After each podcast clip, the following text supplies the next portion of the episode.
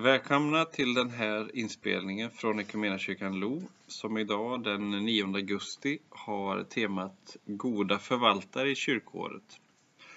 Och texten som vi läser är hämtad ifrån Lukas evangeliets 16 kapitel, verserna 1 till och med 13.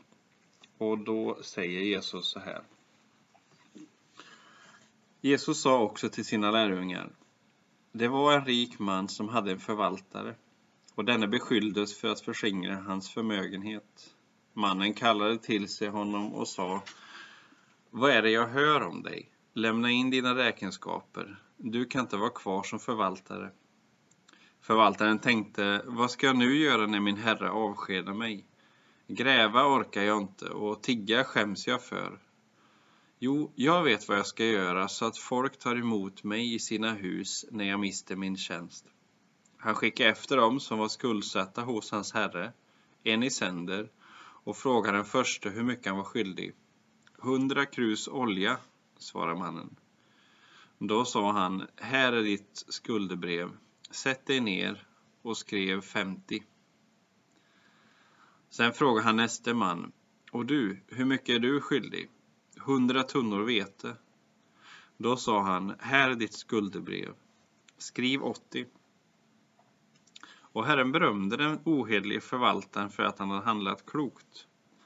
Denna världens människor beter sig klokare mot sina egna än ljusets människor gör. Ja, jag säger er, använd den ohederlige mammon till att skaffa er vänner som tar emot er i evighetens hyddor när mammon lämnar er i sticket. Den som är trogen i smått är trogen också i stort, och den som är ohederlig i smått är ohederlig också i stort. Om ni inte varit trogna i frågan om den ohederlige mammon, vem vill då anförtro er det som har verkligt värde? Och om ni inte har varit trogna i fråga om andras egendom, vem vill då ge er det som ska tillhöra er? Ingen kan tjäna två herrar. Antingen kommer han att hata den ena och älska den andra, eller hålla fast vid den ene och inte bry sig om den andra. Ni kan inte tjäna både Gud och mammon. Vi ber. Jesus Kristus, du som är kyrkans sanna Herre. Vi ber att du låter ditt ljus falla över den här texten och över våra liv. Dra oss djupare in i erfarenheten vilka vi är i dig och vem du är i oss. Så att vi får syn på och kan få växa in i ditt rike. Det ber vi om i Jesu namn. Amen. Den här liknelsen som eh, Jesus berättar och sen de efterföljande, eller den efterföljande dialogen handlar ju väldigt mycket om pengar. Och det är ett ämne som Jesus ofta pratar om faktiskt. Men vi ska se att också pengarna i sig är liksom eh, hur vi förvaltar våra pengar. Det speglar också en djupare förvaltarskap där det är frälsningen och livet själv. Och vi kommer komma tillbaka in i det här. Men jag ska kommentera några saker i texten. Den förvaltare som Jesus berättar den här liknelsen, han, eh, det verkar som att hans herre inte är närvarande utan han är satt att förvalta kanske ett, en mm, jordbruksfastighet eller någonting åt det hållet eftersom det som folk är skyldiga är just skörden. Det är inte kontanter utan det är krus med olja och det är tunnor med vete. Och mängden som de kommer och eh, som de har fått som de är skyldiga då är ganska stora så det är, det är liksom stora summor. Och det framkommer i texten att den här förvaltaren har förskingrat och han har använt sin eh, herres medel och fastighet och det som kommer ut av det för egen vinnings skull. När det, sanningen då kommer fram så får vi ta del i hans egen dialog där han säger att ja, men gräva orkar jag inte och tigga skäms jag för. Att han inte orkar gräva det är inte att han är lat utan det är helt enkelt att han är för svag. Det, det kan ju tolkas lite både och på svenskan men i grundtexten så, så är det tydligt att han inte är stark nog för att gräva. Och tigga skäms han inte skäms han för. Så att han kommer på hur han ska göra sig vän med dem runt omkring innan han blir avskedad så att de tar emot honom. Och det är fortsatt ett högst tvivelaktigt eh, beteende. Att ta emot de som har varit skyldiga. De kommer in och de får revidera skulden. Det här säger egentligen Jesus ingenting om. Okej, okay, är det så att han fortsätter att bedra sin mästare, att han helt enkelt snuvar honom på ytterligare ehm, pengar eller värdesaker? Är det så att han själv går in utifrån den rikedom som han har skaffat sig genom förskingring? Är det det han betalar tillbaka med? Ehm, det är inte riktigt tydligt och, och det kanske inte är det som är poängen utan förmodligen är det fortsatt tvivelaktigt beteende men att han bryter med mammons kraft. Och mammon i Nya Testamentet är pengarna. Det fanns det finns liksom inte någon jätteutvecklad avgud utan mammon är ett namn som personifierar eh, begäret av pengar eller pengars makt. Ägedomar eller ja, rikedomar på olika sätt. Så det är mer det skiftet som händer i den här berättelsen trots att hans beteende då är fortsatt ohederligt egentligen. Det, det märker man när Jesus säger då i vers 8 att Herren berömde den ohederlige förvaltaren, att Jesus berömmer hans ohederliga eh, agerande och säger att han har handlat klokt. Och att han har handlat till och med klokare än de som är ljusets människor, alltså de troende de kristna. Så Jesus använder den här liknelsen till att sätta fingret på någonting som han sedan säger. Att använda en ohelig mammon till att skaffa er vänner som tar emot er i evighetens hyddor när mammon lämnar er i sticket. Och det är det som den här mannen, den ohederlige förvaltaren, han har varit centrerad kring sig själv. Han har varit satt att ta ansvar och förvalta en egendom och en förmögenhet egentligen. Men där han använder det för sig själv. Alltså mammons kraft, pengars kraft, har en tendens att centrera runt oss själva. Och det blir också ofta i förlängningen en isolering. Han vill bli oberoende, han vill ha mer pengar så att han inte behöver omgivningen.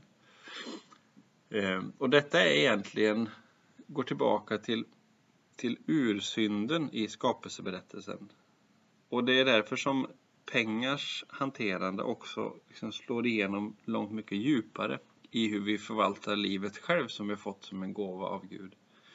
Därför att i skapelseberättelsen så frestas människan att från att ha varit i Guds trädgård, i Guds paradis, så frestas hon att bli som Gud själv, alltså bli någonting vid sidan av Gud, att inte vara beroende av Gud, att inte stå under Guds beskydd, under Guds ledning. Utan hon vill själv bli som Gud. Och det är det som gör att, att synden träder in. Alltså att människan förvrids från sin sanna natur. Och mammon är en av de krafter som gör just det här att människan isoleras. Och det Jesus lyfter upp då i den här liknelsen, det är att den här ohederliga förvaltaren som av rikedomens liksom frestelser att han vill ha mer. Han använder sin mästares eller sin herres egendomar för att skaffa sig själv rikedomar. Han utnyttjar förmodligen de som var skuldsatta för att få mer rikedomar. Det leder till att han i slutändan av den här berättelsen är ensam. Och då behöver han fundera, hur ska jag agera för att inte bli utelämnad helt ensam? Och han fortsätter ett ohederligt Eh, en ohederlig strategi, som jag sa tidigare. Och varför berömmer då Jesus det, man fortsatt gör fel? Jo, därför att han bryter det med mammons kraft. Att förse sig själv med mer och inse sitt beroende av andra. Och där tror jag är en viktig bit i just det här pengabegäret. Att vara en god förvaltare. Det är inte att, att liksom se till att man får så mycket som man blir oberoende av andra. Det är liksom pengarnas illusion och isolering som gör att människan till slut lämnas, som Jesus säger, lämnas i sticket. Man blir mer och mer ensam och man blir mer och mer sårbar även om man har gått på lögnen att jag har mer och mer pengar och därför är säkrare. säkrare. Sen så kommer då det här resonemanget när Jesus säger att den som är trogen i smått är trogen också i stort. Den som varit ohederlig i smått är ohederlig också i stort. Om inte ni har varit trogna i frågan om den ohederlige mammon, vem vill då anförtro er det som har verkligt värde? Om inte ni har varit trogna i frågan om andras egendom, vem vill då ge er det som ska tillhöra er? Och här märker vi hur Jesus lyfter perspektivet. Nu pratar han inte bara om pengar, men han visar att pengar är den spelplan som visar för oss vad som pågår i vårt inre.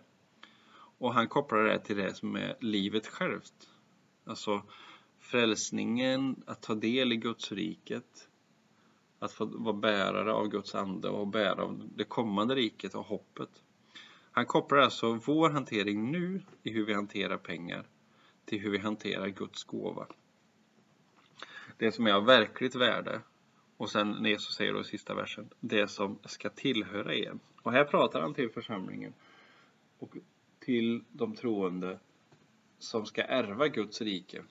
Vi har del i det nu genom den heliga Ande. Det är liksom förskottsbetalningen. Men vi har ännu inte, Guds rike har ännu inte inträtt med full kraft. Än är inte ondskan utraderad och Guds vilja helt genomsyrad i tillvaron. Men det är någonting som den kristna kyrkan är kallad att ärva och kliva in i.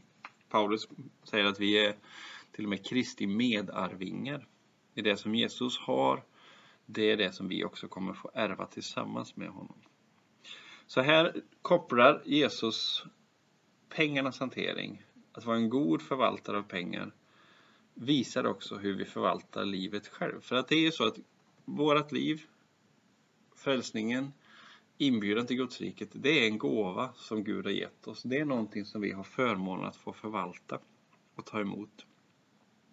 Men om mammon är inne och styr oss så blir det risken att vi använder människor runt omkring. Det som vi har möjlighet att få. Ja, till och med Gud själv som ett instrument för att för att själv få det jag vill ha och det jag behöver. Och som Jesus säger i slutversen här, ingen kan tjäna två herrar. Antingen kommer han hata den ena och älska den andra, eh, så kommer han hålla fast vid den ena och inte bry sig om den. Vi kan inte tjäna både Gud och mammon. Så att pengarnas makt går inte att ställa sida vid sida om att, att tjäna Gud.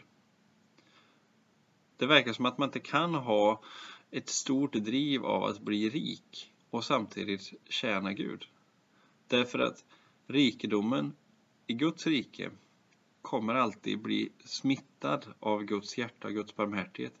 Att förmedlas vidare till andra. Alltså det är en, en Guds ekonomi som är av givande istället för att få. Så mammon och Gud, det är liksom helt olika krafter. Mammon centrerar kring sig själv Gud är den generösa givaren som ger av till och med sin egen son för att vi ska få möjlighet att ha evigt liv. Och därför så blir pengar som kan, alltså som kan till synes vara ganska oskyldigt och ganska smått. Men det visar för oss hur vi är trogna i det lilla är också hur vi är trogna i det stora. Det som är av verkligt värde inte bara en summa pengar som vi får att förvalta utan ett helt liv som vi får att förvalta. Och det livet inte är kallat bara att centreras kring oss själva utan att ett gott förvaltarskap är att vårda den gåvan som vi har fått av Gud på så sätt att det hedrar honom, att det är i linje med det som han har gett oss. I många traditioner och i kyrkan så har funnits en tradition av tionde det går tillbaka i Gamla Testamentet där man gav 10% en tiondel av sina inkomster till antingen då var det ju till templet men också till församlingen har det varit senare. Man ger tionde. Och ibland så kan man ju ana resonemanget eh, både hos mig själv men hos andra människor också. Ja men herregud, här får du 10% och nu är resten 90% mitt. Som jag får göra precis vad jag vill med. Och det här är ju också en, en liten illusion, eller det blir någon slags förhandlingsläge med Gud. Istället för att när jag som troende döps in i gemenskapen med Kristus så är jag Guds.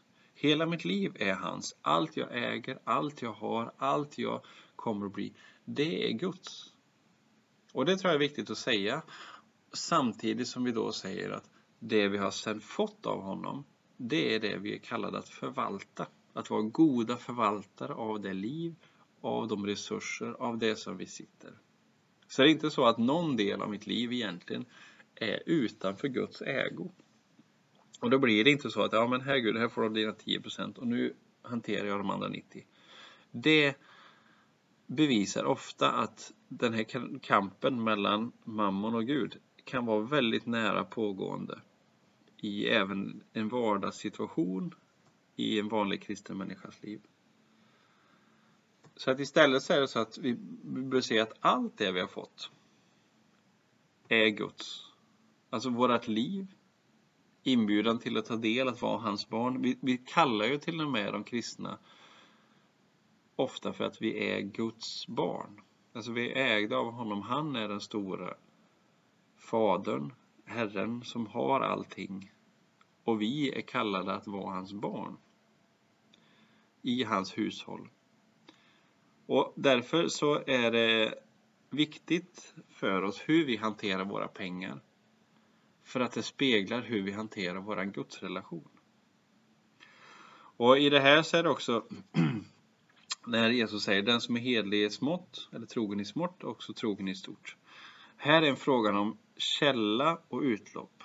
Alltså var vi hamnar eller vad vi, vad vi hämtar utifrån. Vad är hjärtats drivkraft och vart det landar någonstans. Och här är alltid källan viktigare än utloppet.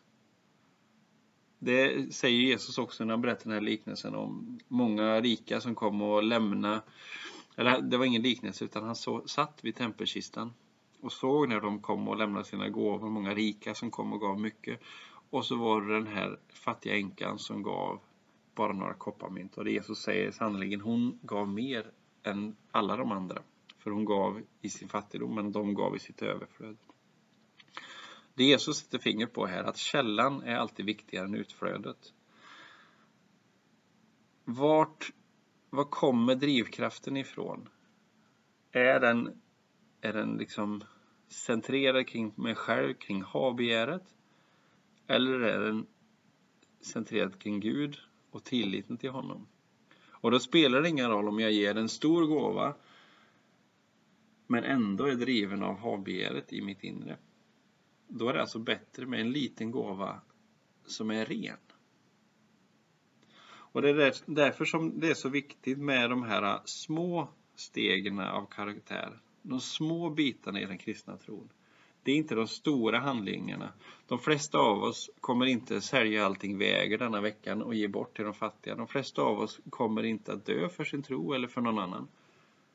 Men de flesta av oss kommer möta små situationer där vi är kallade att, att mogna i karaktären. Där vi får göra små kärleksfulla handlingar som inte är centrerade kring oss själva utan kring våra nästa.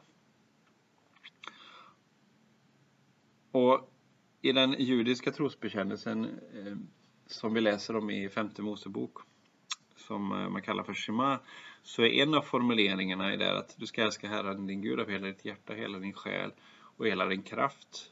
På hebreiskan så skulle man kunna översätta det med allt ditt du ska älska Herren med allt ditt myckna, alltså allt det du har, allt det som är ditt, alla ägodelar, allting. Att hela vårt liv är kallat att avspegla kärleken till Gud. Det finns inte någonting i vårt liv som är liksom en privat sfär som inte har med Gud att göra. Utan det är grogrunden för självcentreringen. Det är grogrunden för mammons kraft.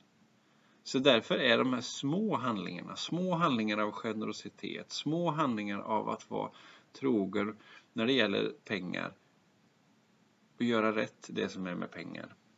Det återspeglar så mycket mer. För just den här äh, liksom, frestelsen av att, att göra en vinst på någon annans bekostnad är i förlängningen det som leder till att även börja utnyttja Gud. Så när Jesus, för att se ihop det här, så när Jesus hedrar den ohederlige förvaltaren trots att han använder pengarna på ett tvivelaktigt sätt så gör han det för han utnyttjar pengarna, han använder pengarna. De är inte längre Herren utan de blir istället medlet för att bygga relationer. Och det är det som är i förlängningen också. Att inte utnyttja relationer runt omkring utan att bygga relationer med det man har. Mammon isolerar, Guds rike försonar och bygger relationer. Så det som är av verkligt liv, det eviga livet, frälsningen, det landar ändå i våran vardagsekonomi. För det är där vi börjar växa i karaktären, det är där vi får karaktären hur vi ska förvalta det som är Guds. Det som han har gett oss. Vi ber.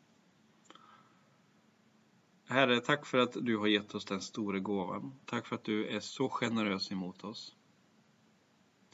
Herre, låt din heliga Ande få göra oss till goda förvaltare av den nåd som du har gett oss. I de stora frågorna är det som är av verkligt värde att det, i det kommande Gudsriket som vi ska få ta del av. Men också ner i våra egna plånböcker, i vår vardagsekonomi. Herre, gör oss att vi är trogna i det lilla så att vi kan växa i karaktär och bära större ansvar, större gåvor. Herre, låt ditt rike få komma i oss och i vår församling. Herre, led och forma oss till att bli goda förvaltare för den här världens skull. Det ber vi om i Faderns, Sonens och den helige Andes namn. Amen.